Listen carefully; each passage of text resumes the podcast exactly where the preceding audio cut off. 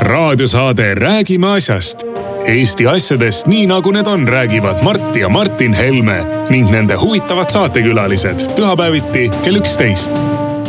loe põnevate teemade kohta rohkem ka uudisteportaalist uueduudised.ee tere tulemast kuulama raadiosaadet Räägime asjast. asjast räägime Tre raadios, Ring FM-is, Ruut FM-is, Kuressaare pereraadios on pühapäeva hommik kell üksteist ja.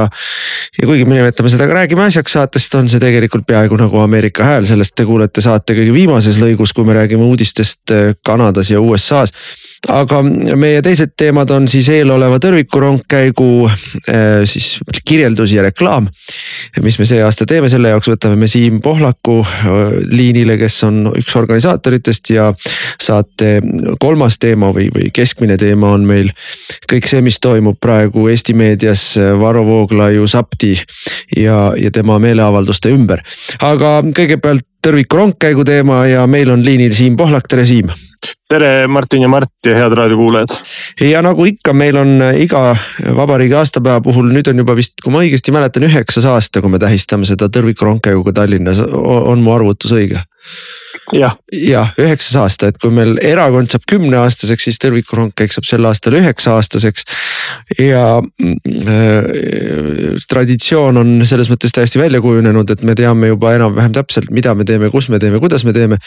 ja sina oled olnud nende tõrvikurongkäigude organiseerimise juures juba, ma pakun vähemalt viis aastat järjest ka küünarnukkideni sees anna meile kõigepealt lühike, lühike ülevaade sellest, mis meil, kuidas meil ettevalmistuste seis on ettevalmistuste seis on hästi, et eh, tõrvikud on täidetud, eh, kõik vajalikud asjad on tehtud, nii et, eh, et ootame inimesi kahekümne neljandal veebruaril Vabaduse väljakule inimesed muidugi võivad oma tõrviku kaasa võtta.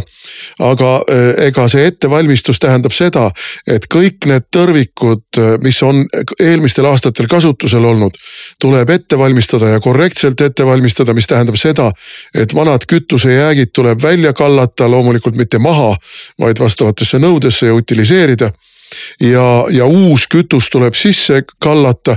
Ja kujutage ette nende tuhandete tõrvikute puhastamine, täitmine. Eh, see on täitsa suur töö. Taht tuleb ka õigeks sättida. Ja sel aastal meil on ähm, jälle nagu tavaliselt ka väike muusikaline osa seal ja siis on meil ka ette nähtud seal kõned nagu ikka, aga meil on tänavu plaanis minna veidikene teist teed midi mööda kui täna, äh, me eelmisel aastal käisime või eelnevatel aastatel. räägi Siim, kustkaudu meil plaanis on minna? jah, sel aastal läheme siis äh, Vabaduse väljakult teisele poole, kui muidu on Rock Läinud mööda Harju tänavat, siis nüüd läheme Kaarli puiesteele ja sealt ülesse siis Toompea mäele. ja, ja Toompealt alla Rataskaevu, Raekoja platsi ja Harju tänava kaudu siis Vabaduse väljakule tagasi pikka jalga mööda. Eh, miks me nii otsustasime, eh, kuulajatele ka selgituseks. Eh, kui see inimhulk liikuma läheb, siis tegelikult muljetavaldav on, on see tulelohe. kui seda näeb kuskil mingi kallaku peal, kaldtee peal ja me tahaksime, et inimesed, kes tagapool käivad, näeksid, kuidas see lohe, see leegitsev lohe läheb ees, et see on niisugune võimas tunne. ja need, kes on eespool, viskavad aeg-ajalt pilgu üle õla ja näevad, missugune tohutu tuhe, tulelohe neil tagant tuleb. ja pikal jalal ja Toompea mäelt, mäest üles minnes on, on see vaatepilt lihtsalt äh, suurepärane no teine põhjus oli see, et ma, mina väga soovisin, et meil läheks rongkäik sel aastal mööda Toompea lossist. et sealt, äh, seal on meil, sellel aastal on meil olnud Toompeal ikkagi need aprillikuised meeleavaldused ja. ja nüüd need hilisemad meeleavaldused, mida siin on korraldanud Varro Toompeal, et äh, mulle nagu tundus, et see on sümboolselt väga oluline, et me ka sealt seekord mööda jalutaksime aga äh, meil on vist seekord üks nihuke kümme minutit lühem see ringkäik või oled sa seda välja arvutanud? Siim? enam-vähem jah, on sul õigus, et kümme minutit peaks kiiremini saama. sest äh, oleme saanud tagasisidet varasematel aastatel inimestele äh, noh, see, kui me väga pikad ringid oleme teinud, siis see vantsimine muutub tüütuks. ja kui me tagasi jõuame, siis on, siis on sõnavõtud ja muusikaline osa ka, kes meil tulevad seekord laulma? Meil on sel aastal on Indrek Kalda ja Paul Kristjan Kalda on laulmas ja ja on tegelikult ka niimoodi, et juba kogunemise ajal, kui kella kuuest hakkab kogunemine, siis sel aastal juba enne poolt seitset on ka esimene nii-öelda, on muusikud juba lava peal, et, et tavaliselt on see olnud nagu ainult pärast rongkäiku, siis seekord on ka juba ennem väikene kultuuriprogramm. ja pärast rongkäiku, mis toimub? ja pärast rongkäiku on kõned ja, ja siis on seal veel natuke isamaaliste laulude laulmist ja seejärel on siis Sinise Äratuse juhi lõpukõne ja sest, et seda tuleb meelde tuletada, et selle tervikrongkäigu idee sündis ikkagi noort, no meie noorte peas kümmekond aastat tagasi ja, ja selle nii-öelda kaasorganisaator iga kord on olnud Sinine Äratus, muidugi tuleb ütelda, et Sinine Äratus on mm, selle nii, nii mahuka ja nii suure ürituse korraldamiseks, nagu seda on meie tõrvikurongkäik, noh üksinda ta on liiga väike organisatsioon, et me oleme sinna erakondliku õla alla pannud, noh ainuüksi kulud on juba nii suured, et sellega nad ei saaks saaks ilma, ilma meie noh, ütleme suure organisatsiooni toeta hakkama, aga, aga koos me seda teeme. aga ta ei ole meil muidugi äh, selles mõttes ei erakondlik ega erakonna noorteorganisatsiooni selline eksklusiivüritus tegelikult ikkagi, mis on Tõrviku rongkäigu põhi, põhiiva või põhisõnum on ju see, et, et meil on olemas üks suur rahvapidu, mis on kahekümne neljandal veebruaril, mis on mõeldud kõikidele patriootidele, kõikidele rahvuslastele, kes tahavad noh tunda küünarnuki tunnet oma, oma, oma riigi või oma vabariigi sünnipäeval ja tahavad sellel puhul saada kokku ja, ja tähistada seda, et see ei oleks noh, ta mõnes mõttes on selline anti-establishment'i või, või eliidi.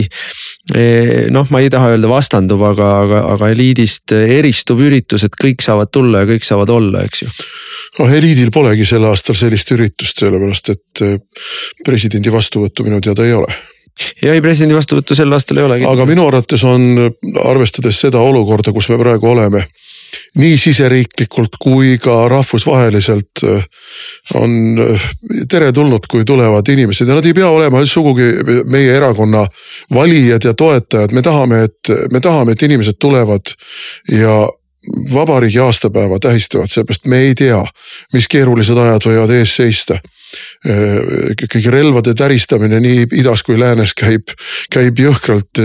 ma mäletan sellist relvade täristamist ausalt öeldes viimati külma sõja ajal, külma sõja tipphetkedel kuskil viiekümnendatel, kuuekümnendate alguses ja külma sõja lõpuaegadel, kui Reagan pani käima oma tähesõdade programmi ja Nõukogude Liit siis püüdis omalt poolt midagi vastu pakkuda ja lasi Korea reisilennuki alla. et need kaks perioodi tulevad mulle praegu meelde minu eluea kogemusest.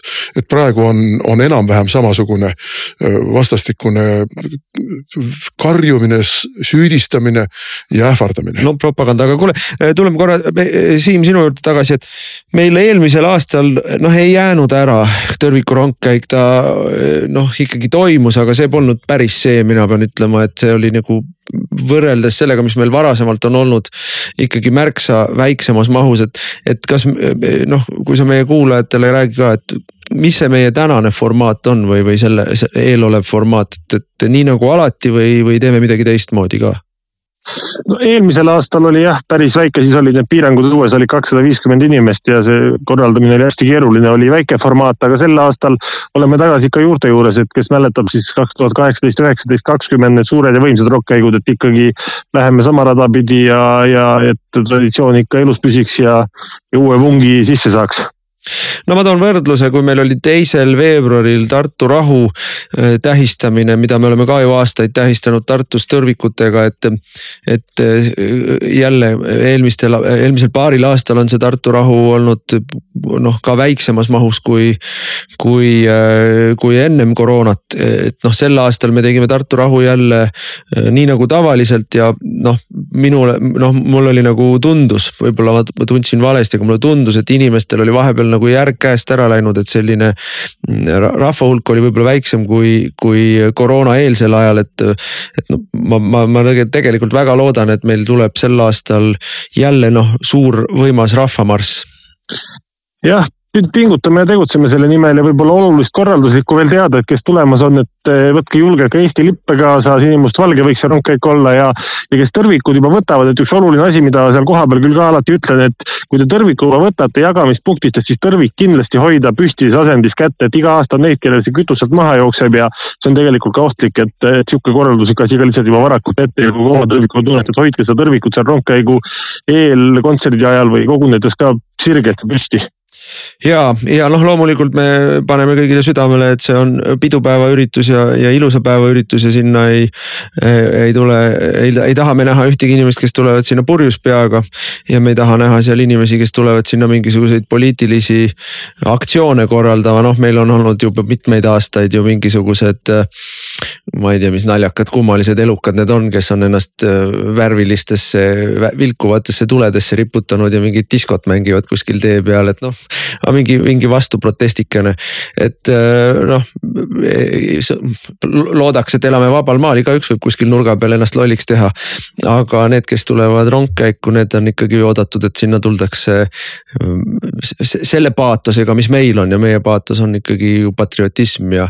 ja, ja meil on pereüritus, tegelikult on see üks koht, kuhu saab tulla ka lastega ja süstida nendesse mm, väikestesse inimestesse sellist noh sellist emotsionaalset laengut oma kodumaa ja oma lipu ja kõige selle armastamiseks. jah, ega me ei taha sinna ka mingisuguseid poliitilisi loosungeid ja plakateid. noh, olgu, olgu peale, et inimestel on südame peal praegu igasuguseid erinevaid muresid, alates elektri hinnast ja lõpetades koroonapiirangutega. aga see ei ole see koht, kus me neid arveid klaarime, see on Eesti sünnipäev. no ma ütleks, et ainuüksi see, kui inimesed tulevad kohale suure hulgaga, on, on seisukoha võtmine võib-olla ka tänase noh, ütleme tänase valitsuse poliitikate äh, suhtes. aga sellest piisab, rohkem seal midagi välja ei pea ütlema, et noh, me oleme varasematel aastatel tegelikult ju isegi ära korjanud mingisuguseid sobimatuid poliitilisi seal plakateid. ütle, kas mul on õigus, Siim, et kõige rohkem on olnud meil selles rongkäigus on olnud sihukene umbes kümme tuhat inimest? jah, kümne tuhande ringis on olnud jah, ja kui meil on, ütleme seal noh, seal mingisugune seitse või seitse pool tuhat tõrvikut. Ja mõned inimesed võtavad ise ka kaasa seda, noh, seda me oleme alati arvestanud selle järgi, kui palju me oleme tõrvikuid välja jaganud, et. kui me saame jälle nii-öelda tipuaegade lähedale selle numbri, siis ma arvan, on see üritus jälle väga ilusti korda läinud ja, ja noh, kuna see marsruut on seekord pisut teistsugune. siis ma arvan, et sel aastal on isegi võib-olla nii-öelda põnevam või, või ägedam võib-olla olla see jalutuskäik, ta ei ole nii pikk, aga ta on selle eest nagu see, see marsruut on minu meelest ägedam. Jah, ja püüame ka sel aastal jälle lauluviisi üles võtta rongkäigus, et, et tehniliselt tegeletakse ka sellele, et saaksime ka siukseid hoogsaid ja lõbusaid rahvalikke ja rahvuslikke laule laulda rongkäigus. ja mina tahtsin veel seda öelda, et meie tõrviku rongkäiku jälgitakse ka väljaspool Eestit ja jälgitakse väga tähelepanelikult.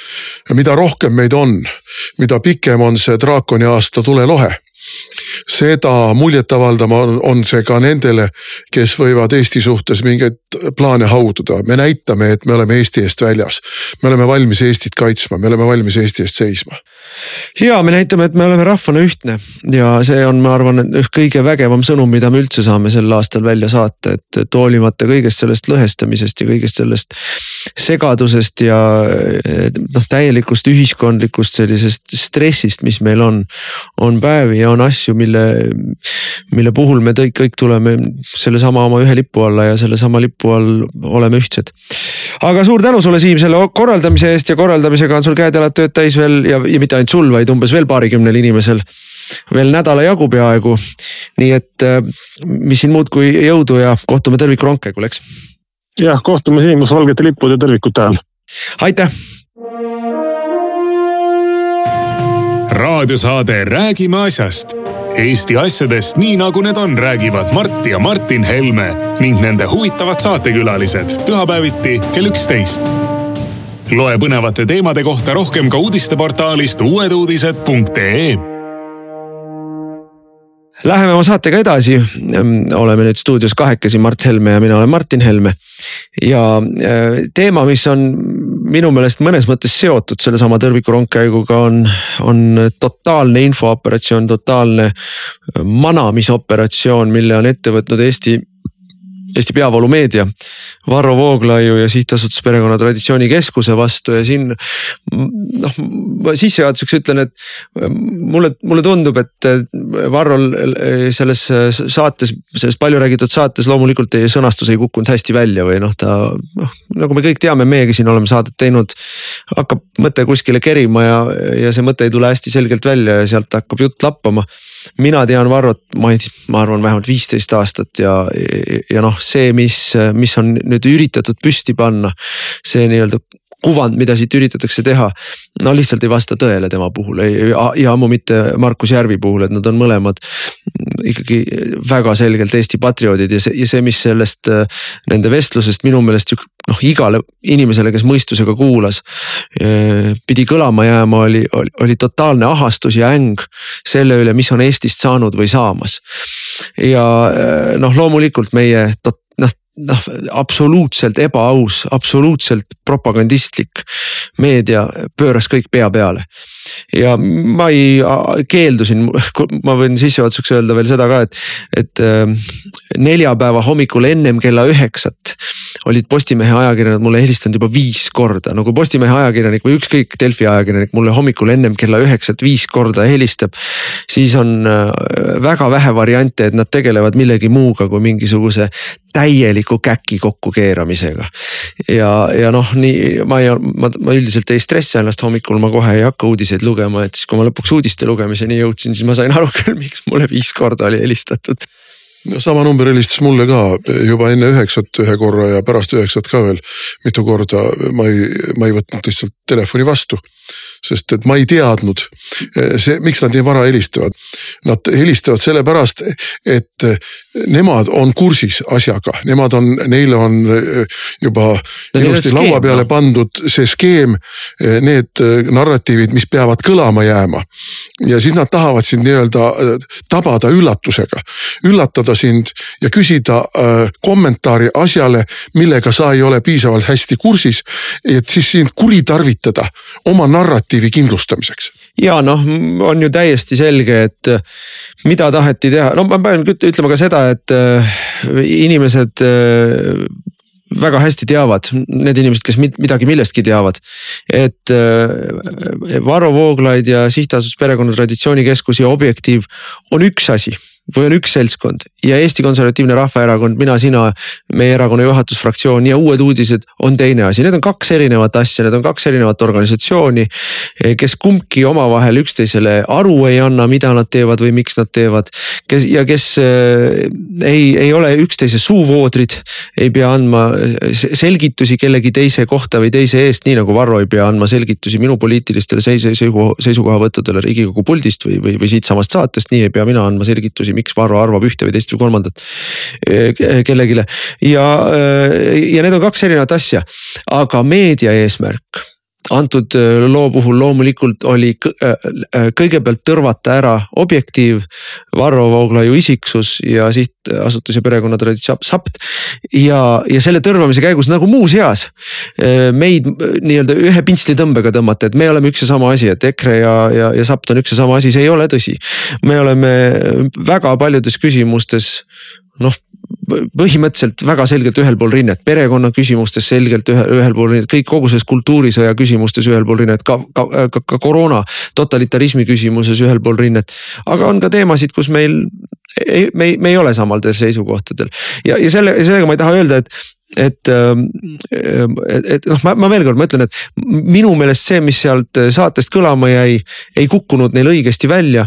mul on, äh, mul, mul ei ole mingit kahtlust, et see ei ole see, mismoodi Varro asju tegelikult mõtleb. aga tema, tema eneseselgitus peab jääma talle, see ei ole minu asi tema, tema seisukohti lahti rääkida või, või, või mingisugust valesti kõlama jäänud lauset sirgeks rääkida, see pole minu asi.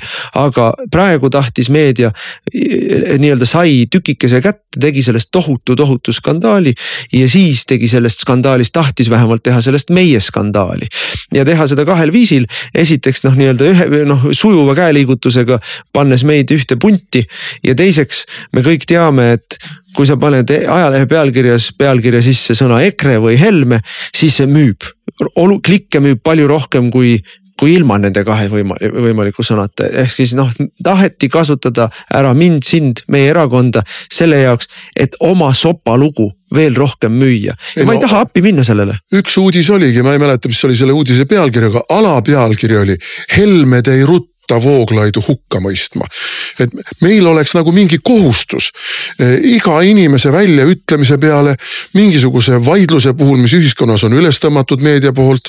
meil oleks nagu kohustus seda kommenteerida ja, ja kedagi sellega seoses hukka mõista. ei no meie peame. meil ei ole seda kohustust. noh, see, mida taheti ikkagi, mida väga selgelt taheti ikkagi oli see, et konservatiividele leeri külvata omavahelist vaenu, et juma, noh igal juhul, et meie mõistaks hukka Varrot, Varro mõistaks hukka meid, et, et noh, see oli ju, see on ju see, mida nõuti meilt, see oli see, mida nõuti meilt ja ei, andke andeks, ma ei kavatse teile kaabakatele appi tulla siin küsimuses. no kerime natuke ajas tagasi ka ka praeguses julgeolekuolukorras, me oleme seda siin saates mõned korrad ka maininud. meenutame, missugune tohutu skandaal tõmmati üles, kui ma ütlesin, et meil on vaja NATO kõrval plaan B-d issand jumal seab kahtluse alla, ma ei tea, Putini käsilane esi, esindab siin, ma ei tea, Kremli jutupunkte, mida kõike, mida kõike. muide, vaatasin eelmisel nädalal Soome TV-s A-stuudiot oli kaks äh, poliitikaeksperti ja Jussi Halla-aho, endine perussuomalaiste esimees ja saatejuht.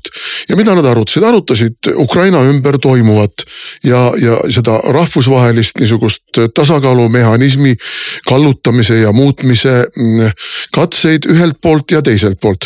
väga tasakaalukalt ja ütlesid välja seisukohti, mida ma ei hakka siin praegu kordama, et neid mulle ei hakataks omistama. mis meie meedias, meie avalikus ruumis oleks absoluutselt võimatud, kui mõni meie poliitik poliitik või isegi mõni meie kommentaator või mõni, mõni meie poliitika vaatleja niisugusi väga tasakaalukaid seisukohti esindaks, siis oleks ta laia lauaga löödud kohe Kremli käsilane. no ma tahan öelda seda veel, et eh, vaata skandaal on skandaal ainult siis, kui kõik on nõus, et see on skandaal. Eh, noh, kui ja ma toon siin võrdluse, et kui aasta tagasi, täpselt aasta tagasi Reformierakonna saadikud eesotsas Kaja Kallasega, Valdo Randpered ja kes seal olid kõik nende kindral Laaneotsad ja kirjutasid muudatusettepanekuid abielureferendumisse, kus oli üksteise otsa. noh, täiesti skandaalseid ettepanekuid, kas Eesti peaks liituma Venemaaga, kas Eesti peaks võtma kasutusele rubla, kas Eesti peaks, ma ei mäleta, mis seal kõik olid. siis Eesti meedia noh, muheles vaikselt, no ohohoho, et noh, näe viskasid ka villast natukene ja, ja see ei olnud skandaal, sellepärast et ei Postimees ega Delfi ega ükski teine eh, meediaväljaanne ei, ei kirjutanud suurte rasvaste pealkirjadega, et kuidas nüüd, vaat nüüd on lõustad paljastanud ennast, nüüd on näha, millised inimesed, millised nad tegelikult on, vaat nüüd tulid Kremli käsilased välja. aga tegelikult paljastasidki ennast, sellepärast et meenutame ikkagi VEB Fondi rahasid ja, ja, ja VEB Fondi rahadega on teada ju see, et need rahad tulid Eestisse ja need rahad võeti välja. see, mida me ei tea, on, kes konkreetne inimene oli see. no vot, aga skandaali ei olnud. aasta tagasi, siis kui Kaja Kallas kirjutas, et äh, ma võin nüüd noh, vale, valesti omistada neid, aga noh, need ettepanekud olid seal tõesti noh, neid oli erinevaid, et küll liituda Venemaaga, küll võtta rubla kasutusele, küll astuda välja NATO-st ja Euroopa Liidust, et ja Kaja Kallase allkiri oli mitmel neil all koos, koos terve hulga tänaste ministritega. ja mingit skandaali ei olnud ja keegi ei, no vähemalt mitte meedia ei hakanud ja ei küsinud kommentaare selle kohta, et.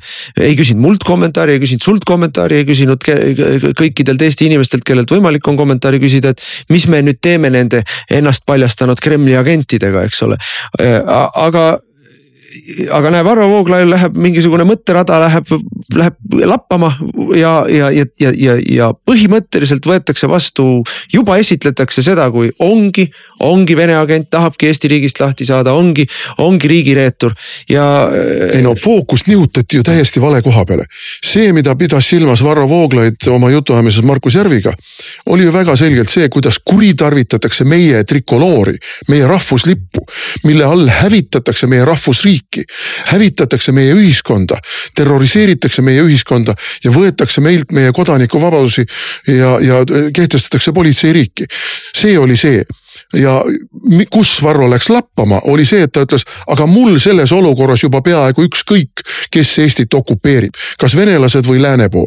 ja, ja fookus nihutati sellele, ahaa, Vooglaid tahab Vene okupatsiooni ja see on, see on, see on selles mõttes täiesti kusjuures ta ei kasutanud seal üldse selliseid sõnu jah. okupatsioonisõna ta üldse ei kasutanud. just nimelt, ta ütles, et provints ja kubermang. ja, ja see näitab, et tegemist ei ole mitte objektiivse, objektiivi kajastamisega, vaid tegemist on infooperatsiooniga. No infooperatsiooni jätkus, neljapäeval oli järjekordne SAPTi ja siis meeleavaldus ja Varro poolt veetud meeleavaldus valitsuse Stenbocki maja ees.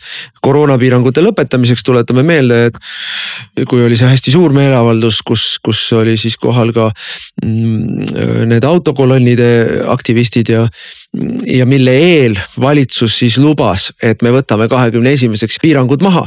noh, lubas tärniga loomulikult, et kui mingid numbrid on sellised, mis meile sobivad, siis võtame piirangud maha. no, loomulikult oli see mõeldud selle jaoks, et, et rahustada inimesi ja öelda, et teil ei olegi vaja meelt avaldada.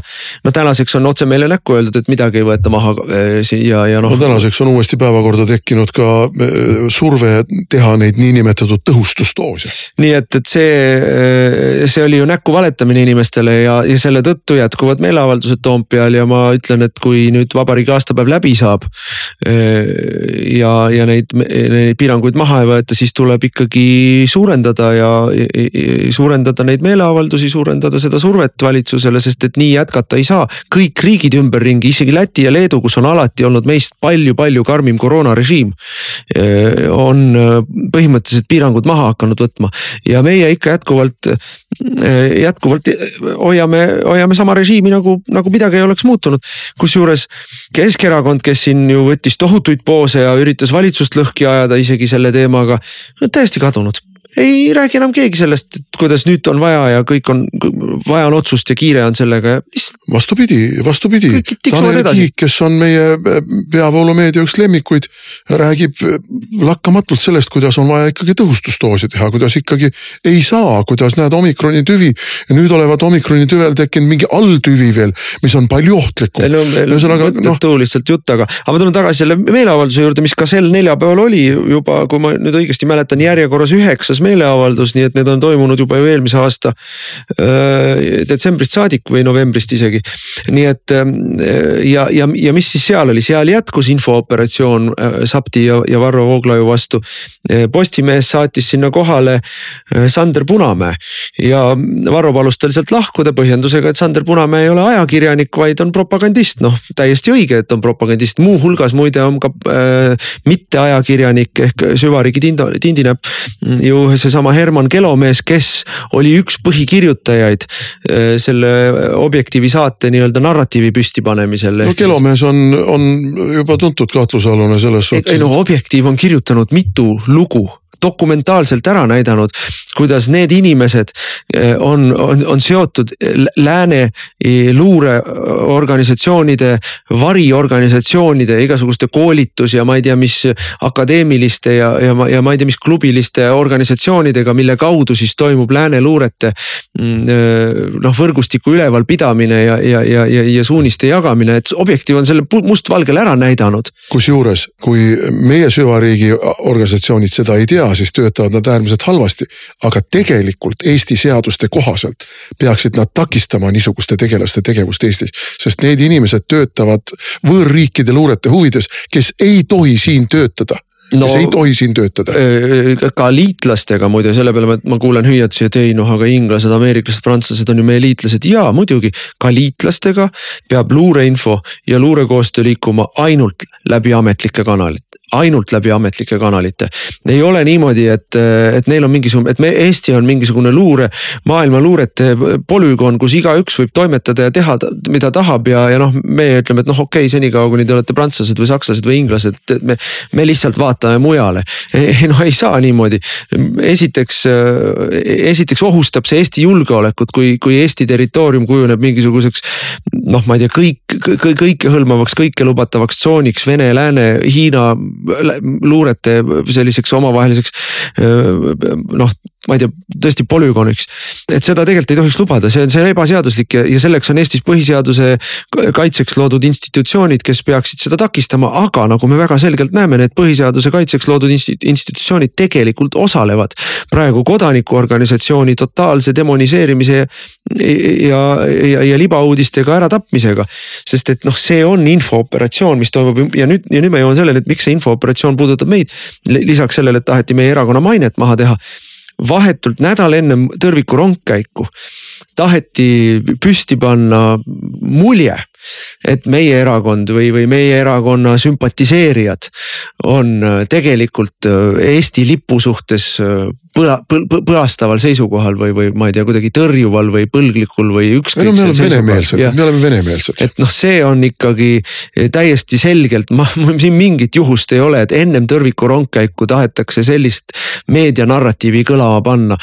mul on põhjust ütelda, et me, me, me tegime ühe väikse kiire küsitluse sel teemal, et meie erakonna toetajad nägid, nägid selle libauudiste seeria täiesti selgelt läbi, meie erakonna toetajaid see absoluutselt ei kõigutanud. küll aga Äh, laiemat avalikkust, neid inimesi, kes, kes noh, ei, kes ei jälgi näiteks uut, uusi uudiseid või Objektiivi või ei kuula seda raadiosaadet. et neid inimesi kõigutab see, neid inimesi selline. jah, aga see on ainult esialgne, see on ainult esialgne, täpselt nii nagu see äh, nii-öelda politsei ründamine, noh, meil meedia on nüüd võtnud kasutusele sõna ründamine. Sander Punamäe, Postimehe ajakirjaniku, kes tegi oma tööd, rünnati. no kes teda ründas, mitte keegi ei rünnanud teda, isegi mitte sõnadega. Varro Vooglaid Vooglaid ei öelnud tema kohta ühtegi halvustavat sõna peale selle, et ta on propagandist. et siin on propagandist, kellel ma palun korraldajana sellelt koosolekult lahkuda. muide, tal on selleks õigus eh, vastavalt seadustele, aga juba hüppas välja meie vana tuttav Põhja prefekt, kes on eh, ju olnud küünarnukkideni sees kõikides nendes operatsioonides, millega on rünnatud rahumeelseid meeleavaldajaid alates kevadest aprillikuus ja jätkates siis jaanuarikuise meeleavaldusega.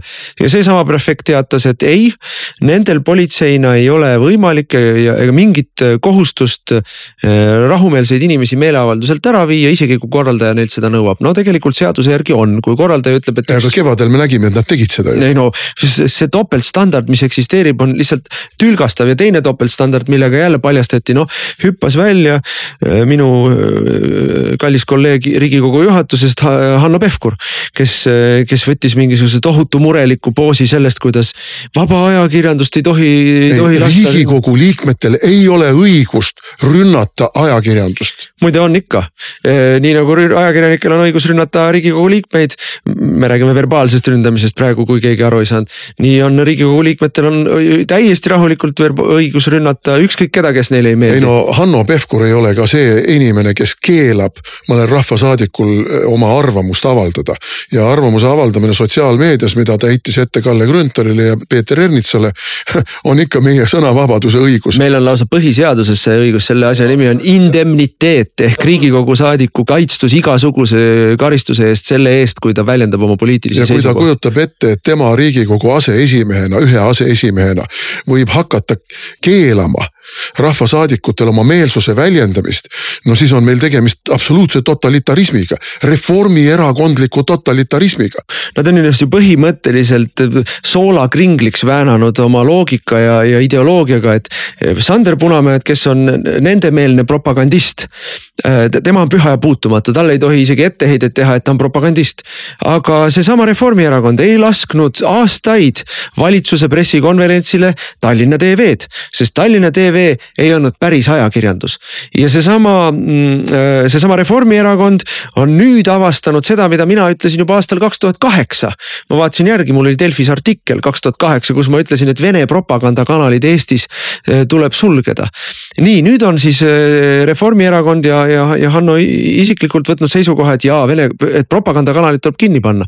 eks ole, et need, need ajakirjanikud, kes neile meeldivad, need on ajakirjanikud, mitte propagandistid, need ajakirjanikud, kes neile ei meeldi, need on propagandistid, mitte ajakirjanikud. ja noh, hommikupoolikuti tuleb Sander Punamäed kaitsta, õhtupoolikuti tuleb, tuleb siis ähm, Tallinna Televisiooni mitte lubada pressikonverentsile ja, ja, ja kinni panna selliseid telekanaleid, mis neile ei meeldi.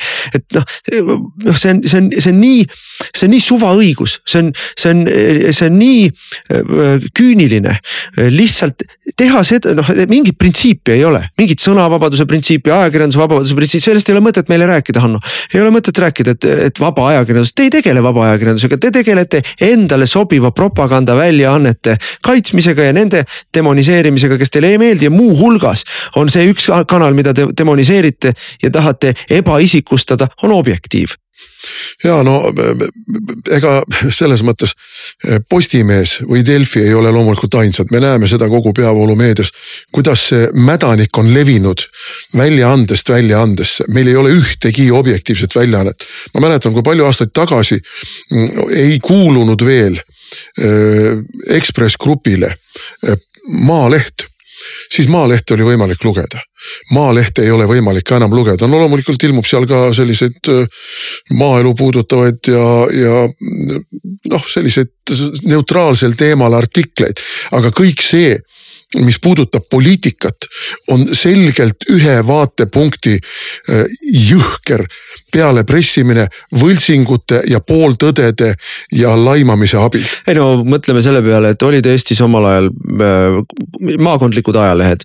Virumaa Teataja, Järvamaa Teataja, Sakala, Pärnu Postimees, mm, Võrumaa Teataja ja need ostis kõik üles Postimees Grupp. ja Postimees Grupp äh, muidugi loomulikult äh, allutas nad siis üleüldisele Postimehe ideoloogiale ja ennäe imet Aarne Mäe, kes oli sinnamaani olnud Viru, Virumaa Teataja noh, väga hinnatud ja populaarne peatoimetaja, kelle, kelle käe all see leht oli loetud ja hinnatud ja sai kinga. ja sai kinga lihtsalt sellel põhjusel, et ta oli kriitiline Rakvere linnavalitsuse homolembuse suhtes. tegi noh, süstemaatiliselt paljastas seda, mismoodi nad panevad Rakvere linna eelarvest raha igasugustele üritustele, kuidas nad koolidesse viivad homovärki ja, ja Aarne Mäe sai selle eest kinga Virumaa Virumaa Teataja peatoimetaja kohalt. ja siis tullakse meile rääkima mingisugust mõttetut juttu sellest, kuidas vaba ajakirjandus on Eestis rünnaku all. ta on, vaba ajakirjandus üldiselt on ära hävitatud Eestis ammu juba. vaba ajakirjandus on iseennast hävitanud. eks ühelt poolt omanikud ja nende poolt paika pandud peatoimetajad ja teiselt poolt äh, loomulikult äh, ka ajakirjanikud ise. ja ka süvariik, ma ütleksin siin selgelt ikkagi, kui me tuleme tagasi selle Kelomehe ja Punamehe juurde, noh, need on inimesed no,. Need on terve hulk teisi. no need on loomulikult, mul on terve märkmik täis nimesid. ei no võtame pealt, Pealtnägija, mis on rahva hulgas ju väga vaadatav kanal. pealtnägija teeb süstemaatiliselt laimulugusid ja mul on hirmus hea meel, et ma ühe Pealtnägija endise ajakirjanikuga, kes praegu otsib tikutulega taga tuntud inimeste tuntud sugulasi et ma ütlesin neile ära, et ma ei ole nõus, sest ma olen millegipärast sada protsenti, aga võib-olla isegi kakssada protsenti veendunud, et kui ma oleksin nõus olnud, siis mulle oleks sugulasteks leitud mingid odioossed tüübid loomulikult.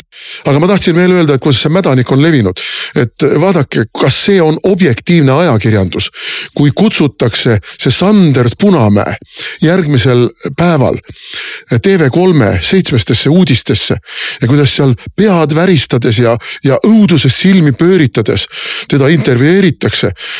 kõik küsimused on muidugi täpselt ühte suunda. kuidas vaba ajakirjandust Objektiivi poolt, Varro Vooglaiu poolt jalge alla tallatakse, aga samas seesama Postimees teatas kohe, et Varro Vooglaidu tema enam oma saadetesse ei lase. jah, Lobjaka ja Vooglaiu saatel tõmmati juhest stepsel seinast välja. see ei ole vaba ajakirjanduse ega mõttevabaduse ega meelsusvabaduse piiramine, ei ole. ei, see on tühistam-, see on kõige klassikalisem tühistamiskultuur, mida meil üldse on võimalik ette kujutada, tühistamiskultuur loomulikult ongi ju.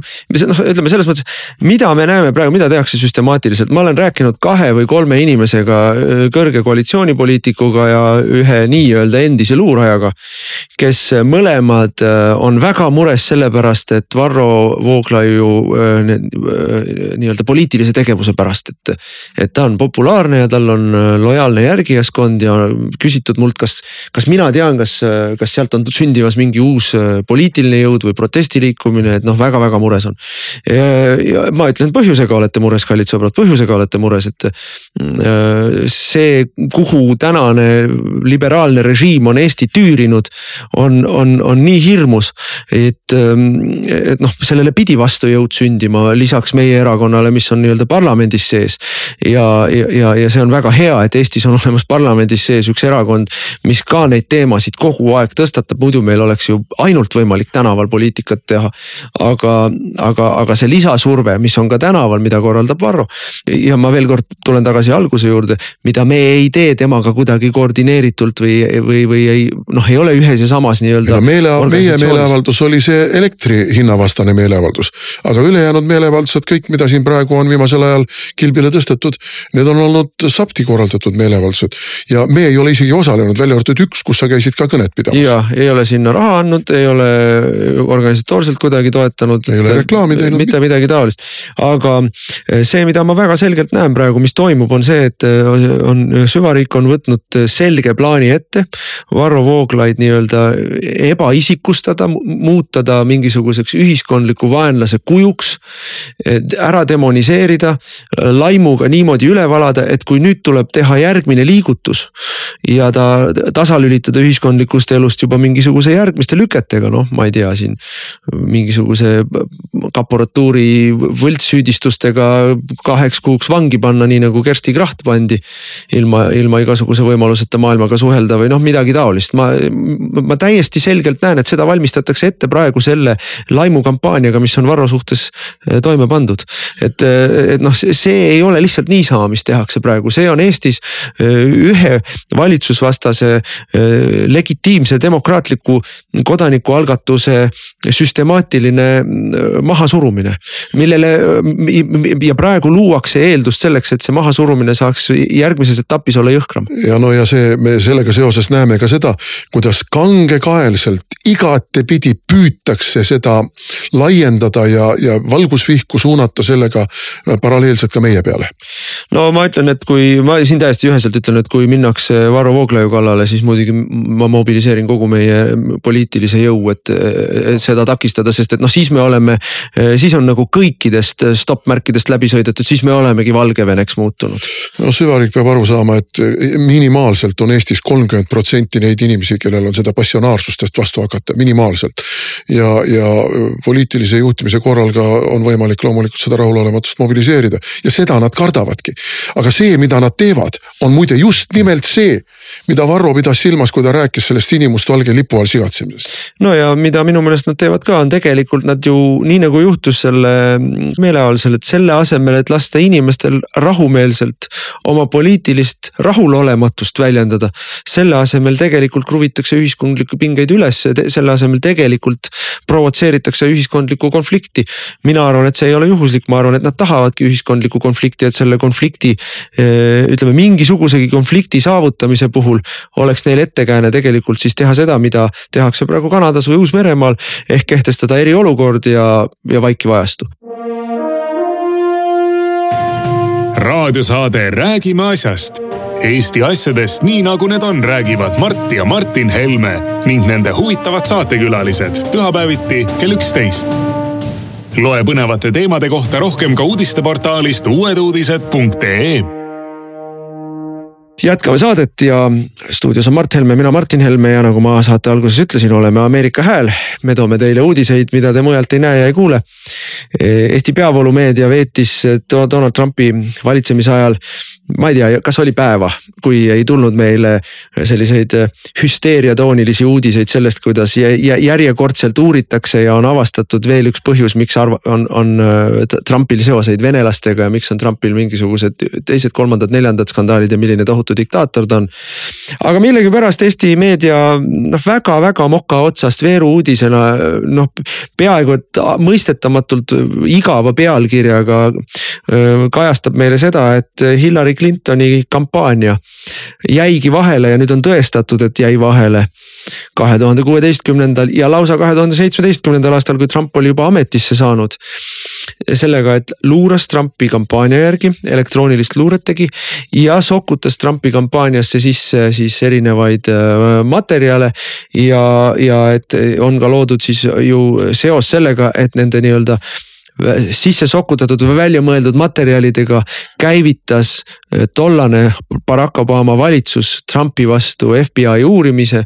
ja siis FBI uurimine nii-öelda takistas ka Trumpi kampaania tegemist, et noh, see on ju, see on nagu eh, noh, klassikaline, klassikaline banaanivabariik, kus istuv võim paneb luureorganisatsioonid eh, tööle opositsiooni tasalülitamiseks, seda tehti Ameerikas kaks tuhat kuusteist aastal ja tehti ka edasi kaks tuhat seitseteist aastal. tehakse tänase päeva. ja loomulikult, et ja need ja, ja nüüd ja nüüd on selle kohta ka materiaalne tõestus olemas. ja aga eh, mis siis. aga kus on skandaal jälle? kuhu jäi skandaal, kas keegi antakse kohtu alla? juba on kohtu all, sellepärast need materjalid tulidki. antakse et... mingid teise, teise ja kolmanda järgu inimesed. aga Hillary Clintonit ei anta, Barack Obamat ei anta, ehkki see on tegelikult hullem skandaal kui Watergate omal ajal, mis sundis Nixoni tagasi astuma. no kordades hullem, sest et noh, kordades hullem, sest et Nixon astus tagasi, kui me meenutame, Nixon astus tagasi selle eest, et vabariiklik partei palkas mingisuguse detektiivibüroo, kes läks, pani demokraatliku partei peakorterisse lutikad. aga Hillary Clinton ja Barack Obama kasutasid NSA-d ehk National Security Agency't või, või see ühesõnaga julgeolekunõukogud ja FBI-d ja ühte erafirmat, et luurata äh, Trumpi järgi. ja fabritseerida Trumpi vastaseid mingisuguseid Materjal, materjale. just täpselt ja kasutada. see on, see on, see on lihtsalt uskumatu, sellega tegeles KGB omal ajal. Absoluutselt, see, see, see on see, millega Stasi tegeles, eks ole.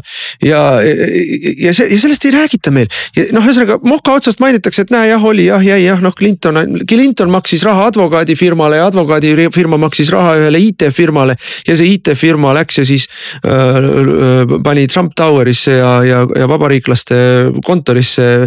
Mm, noh, põhimõtteliselt luuras neid, aga noh, noh oli, mis oli, eks ole. ja, ja, ja muuhulgas paneme selle sellesse konteksti, et äh, tänaseks päevaks on umbes kakskümmend erinevat kohtuotsust Ameerikast tulnud, mis kinnitavad kõik seda, et kahe tuhande kahekümnendal aastal toimus massiline valimispettus, massiline valimispettus. Mäletame kõik, kuidas me saime sõimata selle eest, et me seadsime kahtluse alla Joe Bideni valimisvõidu, noh. tänasel päeval on põhimõtteliselt jälle materiaalselt ära tõestatud et tegelikult Joe Biden ei võitnud valimisi ausalt. aga kus on skandaal? Eesti meedias, Ameerika meedias, kus on skandaal? skandaal on ainult siis, kui kõik on nõus, et see on skandaal ja näe, pool Ameerikat leiab, et skandaali ei ole. terve Eesti peavoolumeedia leiab, et skandaali ei ole. no ma ühe iroonilise märkuse teen siin. Keskerakond, kes on äh, turu-uuringute viimase, viimase küsitluse kohaselt langenud neljandale kohale ja on viieteist protsendi peal ainult. noh küsitlused on erinevad, ärme praegu sellele peatuma jääme. aga loomulikult see tegi neil meele jube hapuks ja Andre Hanimägi, kes on endine Keskerakonna niisugune kir-, Sulesepp. ta oli pressijuht seal vahepeal, nüüd on peasekretär. nüüd on peasekretär, kirjutas laupäeval ma lugesin, kuidas Trumpi pooldajad pooldajast EKRE on muutunud Ameerika Demokraatliku Partei pooldajate sarnaseks noh, pidades silmas seda, nagu meie oleksime kuidagi politseivastased, ei, me ei ole politseivastased. me oleme politsei korrumpeerunud ja võimu kuritarvitavate juhtide suhtes kriitilised, mitte nende tavaliste politseinike suhtes.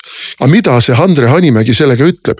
ta ju ütleb sellega seda, et demokraatlik partei Ameerika Ühendriikides on organisatsioon, mis on korraldanud Ameerika, üleameerikalisi laamendamisi, lõhkumisi, märatsemisi, peksmisi, surmaga lõppenud kokkupõrkeid, kus inimesi on tapetud raudlattide, kangide ja, ja kurikatega seda ta ütleb, et noh, meie pidavat siis nagu midagi sarnast olema.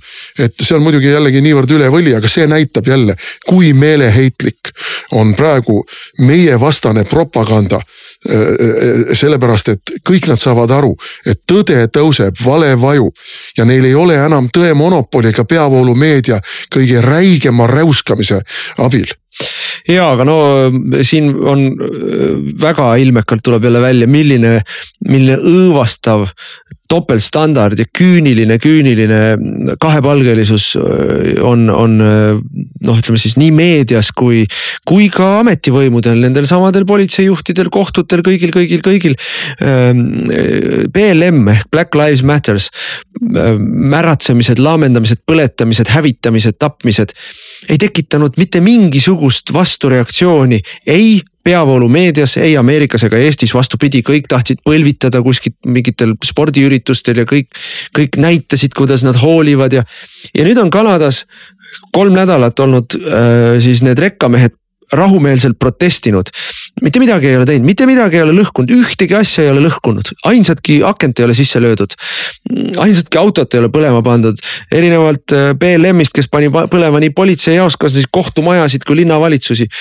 E, e, ja, ja, ja, ja nende vastu siis Justin Trudeau liberaalne valitsus kuulutas Kanadas välja eriolukorra ja saadab nende vastu politseid eh, jõu, jõhkrate jõuvõtetega.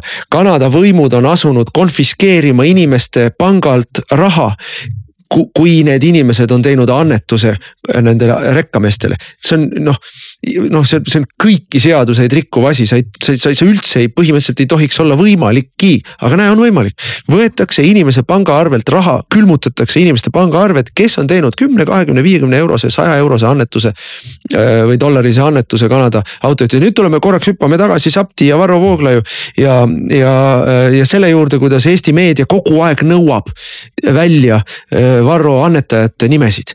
kes teil ikka annetavad, kui palju teile annetavad, no Kanadas, eh, eh, Kanada eh, siis asjaosalised on välja uurinud, et Ameerika luureorganisatsioonide abide, abiga häkiti sisse siis sellele platvormile, ähm, mille kaudu inimesed annetasid ja selle, selle, selle sissehäkkimise tulemusele saadi kätte inimeste nimed ja aadressid, kes on annetusi teinud ja nüüd käib Kanada politsei ükshaaval inimeste ukse taga ja ütleb, et te, te, te olete meil nii-öelda nimekirjas, te ei oleks tohtinud annetada.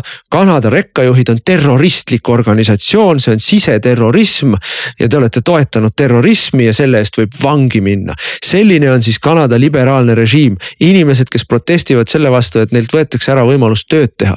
Nendele saadetakse politseinikud hambuni relvastatud politseinikud koos pisargaasi ja asjadega kõigega peale. ja kui sa jumala eest oled teinud ka Facebookis postituse, kus sa ütled, et minu meelest ikka Kanadas niimoodi teha ei võiks, et meil on ikka siin ka ju inimõigused. siis lendavad ka võmmid sulle ukse taha ja ütlevad, et nüüd sa oled toetanud terrorismi. see on Kanada tänasel päeval ja, ja, ja kui me arvame, et meil Eestis nii juhtuda ei või, ikka väga hästi võib. ei, aga nad ju katsetavad seda, nad ju kogu aeg katsetavad seda ja, ja see, mida, milleni nad tahavad jõuda, on vaik vaikivajastu ja kelle vastu see on suunatud, see ongi suunatud SAPTi vastu ja meie erakonna vastu. patriootide vastu. patriootide vastu ja, ja nende vastu, kes ei ole nõus sinimustvalge all sigatsemise suhtes suud ja silmi kinni panema. Nende vastu on see kõik suunatud ja ega siis Kaja Kallas ilmaasjata ei kriiska, sõna otseses mõttes ei kriiska. no sellele kriiskamisele tuleb ühel hetkel ikkagi lõpp teha. riigikogus Jüri Ratas ju kogu aeg toonitab, et säilitame viisakuse ja säilitame selle ja teise ja kolmanda. no vot, säilita, tee samasugused ettepanekud säilitada ka peaministrile, kui ta jälle hakkab sõna otseses mõttes valesid ja laimu välja paiskama. sa oled näinud Facebookis jookseb hästi ilus videoklipp, kus kõigepealt Kaja Kallas teatab äh, sellises äh, klassikalises äh, Louis päikesekuninga Louis, Louis neljateistkümnendas stiilis minu valitsus nii ja naa. ja siis Riho Breivel meie ridadest ütleb, et minu meelest ei ole ilus öelda minu valitsus, vaid meil on Eestis meie valitsus. ja selle peale teatab ta silmagi pilgutamata neli minutit hiljem. ma ei ole kusagil öelnud, et minu valitsus ja noh, ja see ongi selle inimese noh, pale noh, niisugune ta ongi, ta lihtsalt täiesti süüdimatult valetab seda, mida ta selle kohta, mis ta on mõni minut varem öelnud. ja, ja, ja, ja, ja, ja, ja siis veel ütleb, et aga te kogu aeg valetate. no see on õudne, mis seal toimub, aga no Kanadas on selle noh, ma olen sinuga nõus, et see, mida Kanadas tehakse Äh, seda meil katsetatakse, seda meil katsetatakse ja kui see läbi läheb, no siis ei ole meil põhjust rääkida mingisugusestki noh, vabadusest või, või, või mitte midagi sellist. ja miks ta muidugi võimalik on või võimalik on ta sellepärast, et me elame ikkagi täielikus panoptilises riigis, kus äh, riik jälgib kõiki inimesi luubi all. see, mida sa sotsiaalmeedias postitad, see, kuhu sa kellelegi kakskümmend või viiskümmend eurot kannad. see, kuhu sa oma autoga sõidad, kõikidel autodel on GPS-id tänapäeval peal, et jõhkrad, ilged kaadrid Kanadast, kuidas üks seitsmekümne kaheksa aastane. ma ei tea, meeter kuuskümmend papi toetuseks andis signaali nendele rekkameestele ja terve mingisugune viis-kuus võmmi läksid talle kallale, tõmbasid, tõmbasid autost välja ja peksid lihtsalt tänaval läbi. et noh, see on Kanada tänasel päeval ja kui keegi arvab, et noh, meil teistmoodi on, kui nad usuvad, et nad võivad seda teha, kui nad usuvad, et nad saavad selle sellega niimoodi hakkama, et neid ei karistata selle eest, siis nad teevad ja, seda meile. sellepärast oligi vaja see lumega politseinike loopimine, oma võimu kuritarvitavate politseinike loopimine, tembeldada politsei ründamiseks ja lume, lahtine lumi, lahtine lumi nimetada lumekuulideks. ikka dramatiseerida, lumekuulidega loobiti politsei, rünnati politseid, see on see retoorika, mis on võetud kasutusele. aga see, et ammu on paljastatud, et Hunter Biden ja Joe Biden on korrumpeerunud, et nad on teinud häbiväärseid ärisid nii Ukrainas kui hiinlastega, kui venelastega, see see jookseb radari alt läbi kõik. ja nii nagu, nii nagu ma ütlen, et noh, kui paljudes Eesti väljaannetes siis kajastatakse seda, mis toimub praegu Ottawas. või kui paljudes Eesti väljaannetes kajastati seda, mis toimus Wellingtonis Uus-Meremaal, et mitte midagi me ei loe selle kohta. kui, kui Poolas on kakskümmend hüsteerilist feministi tänaval ja röögivad midagi, siis on meil noh ERR kajastab kaks päeva järjest noh, põhimõtteliselt revolutsioonieelseid rindeuudiseid, kuidas Poolas kohe-kohe kukutatakse hirmus konservatiivide valitsus, aga kui Kanadas on kolm nädalat järjest kümned tuhanded inimesed, suur hulk ühiskonnast toetab neid, lippude laulavad, laulavad Kanada hümni.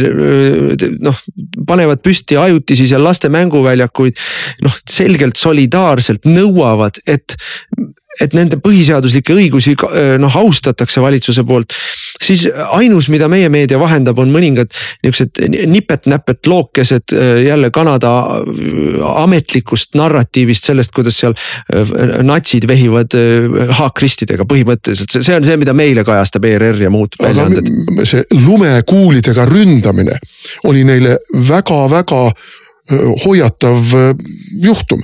sellepärast, et see näitas seda, et ja võibki olla nii, et rahvas hakkab vastu ja noh, sest et rahvast on nii kaua ju pressitud, nii kaua kanna alla lükatud ja järjest jõhkramate võtetega kanna alla lükatud ja rahva, rahvale on ka jõhkralt valetatud ja järjest jõhkramalt valetatakse, et noh, me selles saates ei rääkinud Ukrainast ja. ja võib-olla ongi parem, et ei rääkinud, aga, aga ju me kindlasti mõnes järgnevas saates räägime sellest, noh, mis, mis on peamine, mida sellega seoses minu meelest kõik inimesed peaks meeles pidama, on see, et kõik, mida te loete, on propaganda. ükskõik, mida ütlevad venelased, ükskõik, mida ütlevad sakslased, ükskõik, mida ütleb Kaja Kallas selle kohta, ükskõik, mida ütleb Biden või Johnson. kõik on propaganda, siin juba käib nii tohutu üksteise üle trumpamine valeinformatsiooni ja, ja, ja libauudistega. et äh, noh, kõigesse tuleb suhtuda sellega, et, et nad tahavad selle uudisega, et sa arvaks nii. ja sa arvad, et ma pean arvama teistpidi ja nad on selle ka läbi mõelnud juba ja sa sedapidi ka veel ei tohi mõelda. nii et siin on nii mitu kihti valet, mida meile sisse söödetakse. et, äh, et noh, tuleb olla äärmiselt, äärmiselt äh, noh, skeptiline kõige suhtes. aga ma ütlen siinkohal lõpetuseks veel, et äh, ma loodan, et nädalavahetusel pandi uutesse uudistesse üles üks minu artikkel, mille ma kirjutasin aastal kaks tuhat kaheksa. ja kus ma põhimõtteliselt punktiirjoonega markeerisin ära kõik selle, mida Venemaa on selle neljateist aasta jooksul teinud ja noh, lihtsalt tookord ma kirjutasin, näitasin, mida ta tegema hakkab. ja ta ongi kõike seda teinud, nii et äh, me saame sellest, mis maailmas toimub, oluliselt adekvaatsemalt aru kui kõik need propagandistid, kes teile praegu kärbseid aktsiaid pähe ajavad nii, sellega sai meie tänane saateaeg otsa, täname kõiki kuulamast, kutsume kõiki ühinema meiega tõrviku rongkäigul vabariigi aastapäeval ja soovime ilusat pidunädalat. Te kuulasite raadiosaadet Räägime asjast. saate eest tasus Eesti Konservatiivne Rahvaerakond. järelkuulamine internetis treeraadio.ee ja uueduudised.ee